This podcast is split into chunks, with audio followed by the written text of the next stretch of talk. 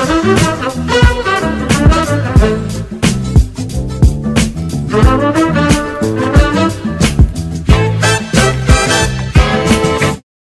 teman sehat, saya Ahmad. Hari ini kita akan membahas tentang puasa sehat tanpa tambahan biaya.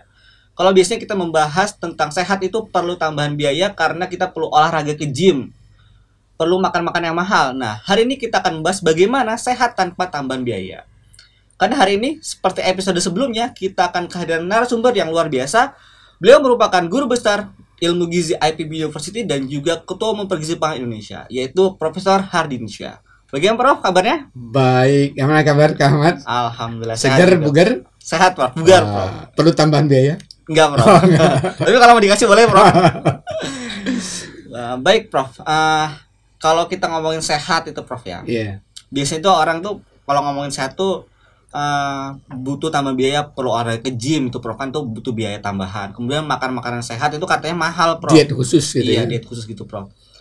Nah, ataupun perlu konsultasi ke dokter, ke spesialis gitu, Prof, untuk eh, biaya-biaya pengeluaran tambahan gitu, Prof. Nah, tapi sebenarnya bener nggak sih, Prof, kita tuh bisa sehat tanpa biaya, Prof?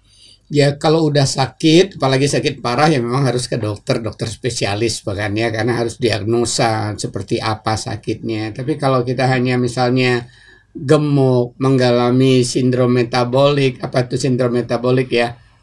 Lingkar pinggangnya lebar, gula darahnya cenderung naik, belum diabetes sih, tekanan darah naik, kolesterol meningkat. Nah, sebenarnya hal-hal sebegitu sebenarnya bisa dengan salah satunya dengan cara puasa yang baik dan benar Di- dilakukan upaya tadi bahkan tanpa kita harus eh, susah-susah menambah jenis makanan ataupun suplemen dan sebagainya. Oh. Nah, tapi Prof, kalau ngomongin puasa nih, Prof ya. eh, baik itu puasa Senin Kamis maupun puasa Ramadan nih Prof yang sedang kita lakukan. Ya. Nah, kalau kita ngomongin puasa itu kan sebenarnya orang menganggap bahwa itu cuma memindahkan makanan aja, Prof. Biasanya kita sarapan, makan siang, kemudian ada makan malam. Nah, kali ini kita kan makannya eh, sahur, kemudian kita makan berbuka, kemudian kita akan makan malam. Tapi kan itu sama aja sih, Prof, gitu, Prof. Atau Ya, itu barangkali ada soal mindset ya. Sesungguhnya dari hasil-hasil penelitian termasuk yang saya juga pernah lakukan ya di Bogor bahwa totalitas selama Ramadan itu kita lihat ketika 10 hari pertama, 10 hari kedua, 10 hari ketiga, kemudian kita lihat bagaimana makanan ketika berbuka, ketika makan malam, ketika sahur. Berarti sebenarnya bukan memindahkan waktu makan saja. Kalau kita anggap misalnya sahur tuh memindahkan sarapan ke ke sahur ya. Ternyata juga enggak enggak apa yang dimakan ketika sahur tuh jauh lebih sedikit sesungguhnya. Kecuali buat orang yang memang rakus ya, yang tidak disiplin makan. Karena ketika kita bangun jam 2 malam, itu sebenarnya enggak enggak bisa perut kita ini seperti jam 12 siang kondisi untuk memakan volume yang sekian banyak ya. Begitu juga ketika makan malam, oke, tetap makan malam. Kan kita ada berbuka. Berbuka itu nggak sama dengan memindahkan makan siang jadi berbuka. Berbuka itu hanya sedikit ya. Yang penting di sana kan harus ada sumber energi, bisa dari buah, kemudian ada air, minuman, kan? Sudah cukup untuk berbuka makan malam, oke makan malam. Jadi dalam banyak kajian itu lebih rendah 200 sampai 600 kilokalori ya 200 sampai 600 kilokalori dibanding hari-hari biasanya dan itu ternyata yang menimbulkan manfaat. Gimana prosesnya nanti kita bicarakan. oh. Kalau orang yang tadi dia makannya sama dengan makan sebelum puasa bahkan lebih, maka memang manfaat hikmah puasa untuk kesehatannya nggak diarahi. Pahala sih saya pikir Tuhan yang ngatur ya udah menjanjikan secara spiritual, tapi secara fisik apa yang dia peroleh untuk kesehatan kalau makannya seperti sebelum puasa atau lebih dari sebelum puasa nggak akan diraih gitu. Wah, berarti kalau puasa Ya. itu memang harusnya tuh ngurangi konsumsi makan, Prof ya. Berarti lebih hemat, tambahan tabungan, Prof ya. Bisa untuk biaya nikah, Prof. Buat yang mau nikah ya. Oke, iya benar, Prof. Jadi kalau gitu berarti kalau kita ngomongin puasa kita mengurangi biaya juga berarti kita malah lebih defisit kalori tadi Prof ya sebutkan, Prof. Berarti bahaya nggak sih, Prof gitu, Prof? Artinya Iya. kita kurang kalori, Prof ya. Baik, jadi defisit kalori tentunya tergantung kondisi kita. Kalau orangnya kurus kerempeng mau puasa, mungkin ya mempertahankan makanan yang lama, bahkan meningkatkan kualitasnya jadi penting, ya. Tapi buat orang yang tadi kan sering kali kalau orang gizi itu bilangnya indeks massa tubuh ya. Berat badan dalam kilogram dibagi tinggi badan uh, di pangkat 2 kalau di antara 18,5 sampai 25 itu normal. Bahkan untuk orang Asia di atas 23,5 itu dianggap sudah punya timbunan lemak yang tidak uh, mulai berisiko gitu ya. Nah buat orang-orang yang di atas 23,5 indeks massa tubuhnya atau lingkar pinggangnya ini sudah lebar ya itu sebenarnya perlu bersiasat ketika uh, mengelola baik itu berbuka, makan malam maupun sahurnya. Siasatnya seperti apa? Sederhana sebenarnya. Kurangi porsinya. Ya. Jadi kalau misalnya uh, sahur biasanya kita satu piring makanan pokok ya udah cukup setengah piring saja, ya. Uh, yang penting adalah ada serat menyertainya sama minuman, ya, karena itu untuk mencegah dehidrasi. Kalau ketika malam, makan malam kalau kita udah berbuka, harusnya makan malam kita tidak seperti makan malam biasa.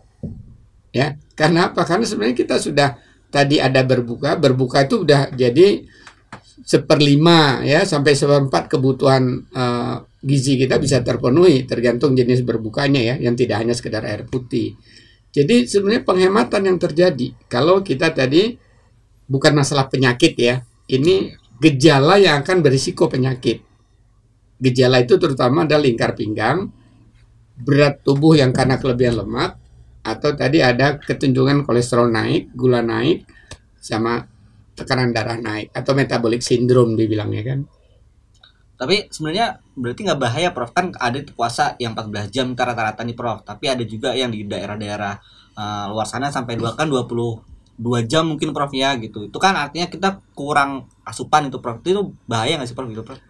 Ya jadi uh, pertama bahwa tadi kan saya katakan yang dia bisa menimbulkan manfaat tadi pada orang-orang yang memang untuk mengatur tadi lemak tubuhnya bukan orang yang kekurangan gizi ya. Itu loh. Kemudian yang kedua betul bahwa di dunia ini tergantung tempat ya. Di kita barangkali 14 jam di daerah tropis tapi di daerah subtropis bahkan mendekati kutub sana bisa 20 jam. Lagi-lagi kan dia dibandingkan dengan kebiasaan makannya ya. Ketika dia tinggal di daerah mendekati uh, kutub sana seberapa uh, banyak dia makan biasanya sebelum dia melaksanakan puasa Ramadan ya. Jadi seperti itu atau kurang dari itu, bukan seperti itu atau lebih dari itu yang dikonsumsi untuk mendapatkan manfaat uh, kesehatan tadi. Nah, kalau orang sakit tentunya juga di dalam nilai Islam kan tuh tidak dianjurkan untuk berpuasa, silahkan konsultasi ke dokter dulu.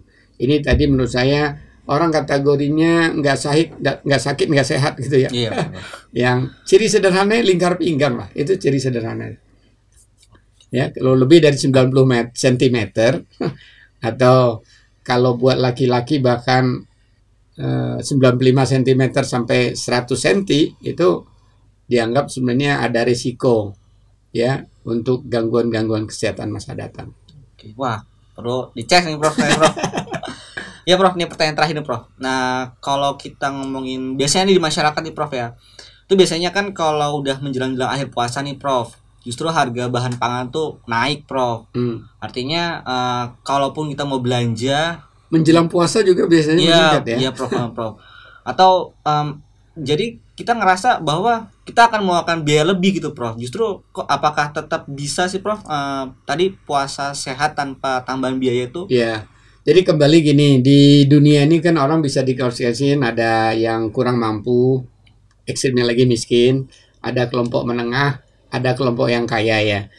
Apa yang saya katakan tadi tentunya buat orang yang pada umumnya ya katakanlah 50% orang di uh, Indonesia ini kategori uh, normal ya, sekitar ada 30-40 persen itu kan gemuk ya 20 persennya kekurangan. Nah apa yang saya bicarakan tadi adalah untuk kita normal mempertahankan status gizi normal yang implikasi kesehatan orang yang tadi di Indonesia ada 35 persen yang gemuk yang dia sebenarnya bisa normal ya ketika melaksanakan puasa. Kajian di Asia Tenggara di meta analisis studi gabungan itu rata-rata menurunkan 3,7 kilogram bahkan sampai ada yang 6-7 kg selama bulan Ramadan turun berat badannya, yang 80% hampir itu adalah lemak tubuh yang yang berkurang. Nah, jadi uh, buat orang yang tadi kaitannya dengan naik harga, kalau tadi orang-orang kelas menengah dan atas ini menyebabkan berburu makanan-makanan ketika menjelang puasa dan lebaran dan puasa ini memang nggak tepat. Kecuali dia berburu untuk disedekahkan ya kepada tadi ada 20-30% yang nggak mampu nah itu saya kira niat baik bukan untuk dimakan sendiri gitu ya karena apa? Buat orang yang tadi miskin, nggak mampu, dia perlu makanan yang berkualitas kita puasa. Tapi dia nggak mampu beli. Harusnya Allah orang yang the have yang punya ini bisa mensedekahkan, memberikan, berbagi, ya. Itu saya kira bagus. Tapi kalau itu untuk makan sendiri, nggak bagus. Iya. Bahkan kan kita kalau di akhir puasa kan ada zakat, Prof. Ya, zakat fitrah oh, itu iya. memang kita kan bersedekah gitu, Prof. Ya. Termasuk juga tadi itu biar kita bisa berbagi gitu, Prof. Ya. Jadi memang puasa itu manfaatnya bagi tan sehat tanpa biaya Prof kayak tadi di awal. Iya, tanpa tambahan tanpa biaya. Tambahan biaya. Sehat sih tetap kita perlu biaya, basicnya ya. Tapi untuk dengan puasa kita nggak perlu tambahan biaya. Harusnya nggak perlu beli daging sekian kilo nambah, beli ini sekian kilo nambah. Saya pikir bukan demikian. Baik, terima kasih banyak Prof atas bincang-bincangnya. Uh, kita sudah tahu banyak nih tentang bagaimana puasa itu benar-benar tanpa tambahan bisa tanpa tambahan biaya Prof ya. Meskipun uh, sehat itu perlu biaya tapi dengan adanya puasa kita perlu uh, kita bisa tanpa tambahan biaya. Demikian bincang-bincang pada episode kali ini. Terima kasih atas perhatiannya teman saya semuanya. Jangan lupa tetap saksikan Lini Podcast di channel YouTube Lini Sehat dan juga Spotify. Tetap jaga kesehatan dan jangan lupa protokol kesehatan. Sampai jumpa di topik berikutnya yaitu adalah puasa inspirasi kehidupan sampai jumpa